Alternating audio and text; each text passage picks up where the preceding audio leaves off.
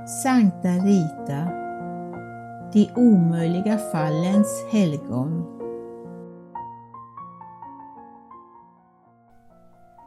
Kapitel 2 Bergsflickan Årstid avlöste årstid. Brännheta somrar, dystra höstar, stränga vintrar och blomstrande vårar hade var och en återkommit ett flertal gånger. Rita var nu fyra år. Barnet som Antonio och Amata Lotti så länge hade väntat på var en älskvärd och livlig flicka. De hade fortfarande svårt att förstå sin lycka. Varje morgon upplevde de samma fantastiska lyckokänsla när de kramade om henne vid uppvaknandet. De hade svårt att minnas den tid då hemmet, trots deras ömsesidiga kärlek, var tomt och livlöst. Det verkade som en evighet hade förflutit sedan dess. Rita hade börjat le mot dem medan hon fortfarande jollrade. Sedan hade hon börjat pussas, tala och gå. Amata hade knäppt Ritas små händer, lärt henne att be och göra korstecknet. När Rita började förstå hur saker och ting hängde ihop så ingick redan inte bara föräldrarna utan även Kristus, jungfru Maria och helgonen i hennes världsbild. Alla omfattades i en och samma kärlek.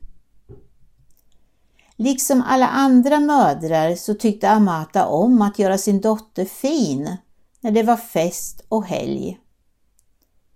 En dag kom det en gårdfarihandlare till deras avlägsna bergsby och erbjöd invånarna att köpa tyg, fabriksgjorda spetsar och hårband. Han saluförde hårband i alla möjliga färger. Bland mödrarna var det många som köpte hårband till sina döttrar för det var friluftsfesternas årstid. Kommande söndag skulle en högtidlig procession gå av stapeln i Kaskia och alla mödrar ville att deras döttrar skulle vara prydliga och fina då de med rosenbuketter skulle ledsaga Kristus. Rita, kom och titta! Ur gårdfarihandlarens låda hade Amata plockat fram vita och rosa hårband. Hon visste inte vilka som bäst skulle passa ihop med Ritas ansikte och hår utan måste prova och jämföra. Men Rita var försvunnen. Hon hade flytt längst in i trädgården med ett okynnigt skratt och gjorde en avfärdande rörelse med handen som klart och tydligt visade att hon inte ville ha några hårband. Smått förargad lade Amata tillbaka varorna i lådan och bad gårdfarihandlaren om ursäkt. Missnöjd plockade han ihop sina saker och i jämn takt med sin mula gav han sig iväg nerför den branta stigen medan han muttrade ilsket om den misslyckade affären. Mannens ilska riktade sig mot den ouppfostrade jäntungen. När Rita lite senare blev ombedd att förklara varför hon inte ville ha några hårband så visste hon inte riktigt hur hon skulle svara. Hon sa helt enkelt med ett oemotståndligt leende Jesus älskar mig lika mycket utan hårband och han vet hur mycket jag älskar honom. Rita hade insett att det endast var själens skönhet som räknades. Antonio kramade kärleksfullt om henne och Amata var inte påstridig. Allt för ofta hade hon hört hur grannkvinnorna beklagade sina vuxna döttrars överdrivna fåfänga. Och Rita var inte mer än fyra år. Med sitt själfulla väsen skulle den renhjärtade lilla flickan ändå vara den vackraste. Hon hade förstått att kärleken till Gud var det viktigaste i livet. Några år gick. Rita skulle snart fylla nio år. Med åren hade hon blivit allt större och starkare medan föräldrarna i sin tur hade blivit allt äldre och svagare.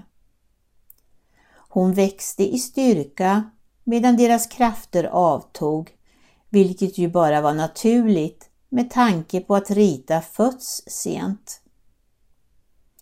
Amata behövde inte be dottern om hjälp med hushållsarbetet eftersom Rita självmant gjorde sin beskärda del, vilket blev större ju äldre hon blev. Låt mig gå till brunnen och hämta vatten mamma. Jag kan bära hinken själv nu. Pappa, ta mig med till skogen så ska jag hjälpa dig med veden och bära hem den. När de protesterade så svarade hon alltid Jag är stark, det vet ni ju. Rita var stark både till kropp och själ. Så som enda barnet hade umgänget med föräldrarna fått henne att mogna tidigare än barn som var omgivna av syskon. Visst tyckte hon om att sjunga och skratta så som andra barn, men hon var också ansvarsfull och mån om föräldrarnas hälsa och hemmets skötsel. Antonio och Amata brukade be henne om råd, inte bara när ett beslut skulle fattas, utan också när vänner och grannar behövde hjälp och tröst. Det var Rita som nu ensam tog hand om tvätten på bergsflodens strand. På knä och på samma plats som modern betraktade hon nu i sin tur de höga bergen. Hon visste att man längs bergstigarna men betydligt högre upp i nästan otillgängliga skrymslen kunde finna spår efter gamla eremitboningar. Där uppe hade det tills för inte så länge sedan bott helgon som varit helt upptagna med att tjäna Gud och sina medmänniskor. När hon var mellan 12 och 14 år så fördjupades Ritas tro.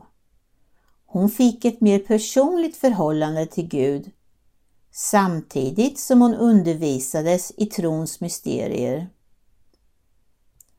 Rita önskade att hon kunde få ägna sig helt åt att meditera över Kristi död och dela hans lidanden.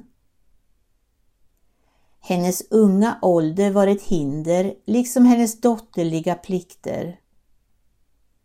Men ibland hände det att hon var ensam hemma och då kunde hon be så länge hon ville. Eftersom föräldrarna förstod hennes andliga behov så tillät de henne att inreda en liten vrå i hemmet till bönekammare. Där åkallade hon jungfru Maria och Johannes döparen som var ett av hennes favorithelgon. Mest ägnade hon sig åt att meditera över Kristi lidanden. Liksom alla andra i Umbrien hade hon hört talas om Sankt Franciscus av Assisi som under det föregående århundradet hade sått frön av kärlek omkring sig på sina långa vandringar. Så som han ville hon av kärlek till Jesus tjäna sina medmänniskor. De fattiga i byn kände henne väl. Hur lite hon än hade att ge dem så var hon frikostig att besöka dem. Hon nöjde sig inte med att själv leva väldigt sparsamt för att kunna bistå de fattiga med materiell hjälp. Genom att tala med dem och lyssna uppmärksamt på deras klagomål så gav hon betydligt mer. Liksom alla unga sedan urminnes tider så fantiserade Rita om vad hon skulle göra i framtiden. För hennes del bestod framtiden av ett liv helt ägnat åt att tjäna Gud och sina medmänniskor. Hon ville med andra ord gå i kloster. Hon skulle bara behöva bida sin tid.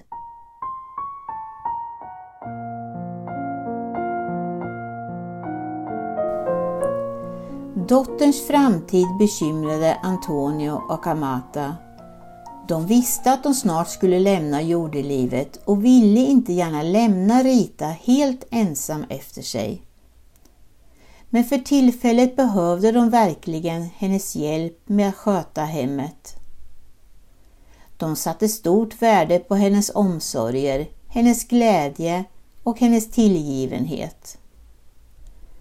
En dag när hon var på väg hem efter att ha besökt en fattig kvinna så såg Rita från skogsbrynet hur en ung välklädd man med stolt hållning lämnade familjens hus. Antonio stod på förstukvisten och tog avsked av honom. När han fick syn på dottern som närmade sig huset så gjorde han tecken åt henne att följa med in. Smått förvånad men utan att lägga någon större vikt vid faderns ovanliga beteende följde Rita efter honom in i huset och ställde ifrån sig korgen som hon hade haft med sig. Med en min lät modern henne förstå att matlagningen kunde vänta till senare och att hon istället skulle lyssna på vad Antonio hade att säga. Med en röst som var lite allvarligare än vanligt sa Antonio. Jag har just haft besök av en man som heter Paolo Di Fernando. Sedan han kom tillbaka till byn så har han och jag träffats några gånger. Han är en skicklig ryttare och äger inte mindre än två hästar åt vilka han har köpt foder av mig. Rita avbröt honom inte eftersom hon ansåg att det inte fanns något att säga. Antonio fortsatte att tala och fick nu hjälp av Amata. Så som många föräldrar när de talade om den tilltänkte svärsonen så framställde de honom i så ljus dager som möjligt och berättade om vilka betydande människor han var släkt med. Eftersom Antonio och Amata såsom goda kristna inte talade illa om sina medmänniskor utelämnade de nu helt enkelt Paulus dåliga sidor. Men Rita hade redan hört talas om honom i Rocaporena där han var fruktad och illa omtyckt. Alla visste att han under de senaste åren hade deltagit i stridigheterna mellan staterna och att han hade behållit kontakten med upprorsmakarna. Området hade fått fred och styrdes sedan en tid tillbaka av påvestolens världsliga härskarmakt men var fortfarande skådeplats för strider och slagsmål i vilka Paolo di Fernando mer än gärna deltog. Han var en vacker man ståtlig, stark och mörkhårig och det kunde inte förnekas att han var en tapper soldat. Men han var också en slagskämpe som mörbultade sina offer, en rumlare och en suput. Det berättades att han en kväll hade ställt till med bråk på de fyra vägarnas taverna i närheten av Kaskia för att kruset med astivin som han hade beställt inte serverades fort nog. Rita lyssnade förstrött. Ämnet intresserade henne inte nämnvärt. Hon tyckte att det var hög tid att förbereda kvällsmåltiden men vågade inte resa sig. Antonio sa plötsligt något som fångade hennes uppmärksamhet. Paolo Di Fernando har planer på att gifta sig. Han har slagit sig ned här för gott och har redan bestämt vem han ska gifta sig med. Stackars kvinna, tänkte Rita. Hon tyckte synd om den kvinna som skulle tvingas gifta sig med en sådan man. Den gifta kvinnans villkor skrämde henne lite. Själv hade hon sedan länge bestämt sig för att leva helt och hållet för Gud. Hon väntade bara på att bli lite äldre så att hon kunde be Antonio om tillåtelse att gå i kloster. Hon ville inte tillhöra någon annan än den korsfäste Jesus. Samtidigt som hon var rädd att hon skulle bedröva sina åldrande föräldrar så förlitade hon sig på att Gud skulle hjälpa henne när det blev dags att berätta för dem om sitt hemliga löfte. Det var därför som allt prat om giftermål och äktenskap inte intresserade henne. Plötsligt spratt hon till. Hon kunde inte tro sina öron.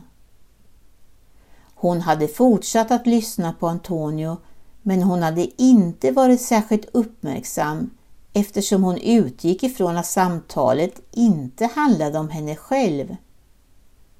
Sedan gick det upp ett ljus för henne. Den stackars kvinnan var hon själv, Rita Lotti. Paolo di Fernando hade kommit för att be om hennes hand. Rita protesterade, grät och bönföll om vartannat. Både föräldrarna och Gud fader i himlen verkade vara helt okänsliga inför hennes böner. Hon anförtrodde föräldrarna sitt löfte att gå i kloster och sin obönhörliga avsikt att hålla det. Hon hade ingen rätt att gifta sig. Men det var bortkastad tid att gråta. Föräldrarna lät henne förstå att hon tvärtom inte hade någon rätt att avlägga ett löfte om att gå i kloster, vilket inte gällde utan faderns samtycke och Antonio tänkte inte samtycka till dotterns oövertänkta löfte. Han hade bestämt sig för att gifta bort henne med Paolo, därmed basta. Amata var betydligt mer taktfull. Av egen erfarenhet visste hon att äktenskap inte var något hinder för bön, vilket hon förklarade för Rita. Rita kunde lika väl be i hemmet som någon annanstans. Äktenskapet var ett sakrament och skulle helt klart leda till hennes själs frälsning. Antonio och Amata älskade verkligen Rita. De älskade också Gud. Men de såg saken ur ett mänskligt perspektiv. I takt med att de åldrades var de rädda att lämna Rita efter sig utan någon som beskyddade henne. Tiderna var oroliga. Gift med Paolo di Fernando skulle hon få det bra ställt och vid behov en försvarare. En av fördelarna var att hon skulle bo i närheten av dem i ett hus i grannbyn. De skulle kunna fortsätta att träffas dagligen och Rita kunde hjälpa dem och ta hand om dem ända tills de drog sitt sista andetag. Ytterligare ett skäl var att den tilltänkte mannens sociala ställning var något högre än deras, vilket gjorde intryck på dem. och Paolo var både våldsam och långsint till läggningen. Det var bättre att vara hans vän än hans fiende. Om de inte gav med sig utan nekade honom den kvinna som han på håll hade valt ut kunde han ställa till med bråk i hela byn. Amata befarade våldsscener framför huset. De fruktade det värsta. Stackars Rita. Tiden gick. Det föreföll som om himlen slöt sig framför Rita. Hon förlorade inte tilltron till Gud, men omständigheterna var emot henne. Vid varje nytt möte med fästmannen så minskade hennes förhoppningar och hon var tvungen att träffa Paolo eftersom Antonio hade gett honom sitt samtycke till giftermålet. För att kunna ta emot honom på ett värdigt sätt i hemmet var hon inte bara tvungen att pynta huset och laga festmåltider utan också klä upp sig till hans ära. Den tid då hon försmådde det hårband som Amata velat ge henne var sedan länge förbi. Så som seden var på den tiden så skickade henne fästmannen först tre kvinnor och därefter tre män med bakverk och mindre juvelsmycken och tygstycken som hon var tvungen att ta emot och ha på sig när han kom på besök. Var Paolo di Fernando trevlig mot Rita? Ja, så mycket som hans våldsamma översittarkaraktär medgav. Men minsta yttrande avslöjade en härskarattityd som var naturlig hos en man på den tiden men betydligt mer uttalad hos honom än hos andra. När vi har gift oss ska vi göra si och du ska göra så. Däremot vill jag inte att... Det berättades att han inte hade upphört med att besöka krogar och umgås med de kvinnor som han mötte där. Rita undrade varför hon var tvungen att gifta sig med honom. På nätterna grät hon i sin sängkammare, vilken hon snart skulle bli tvungen att lämna.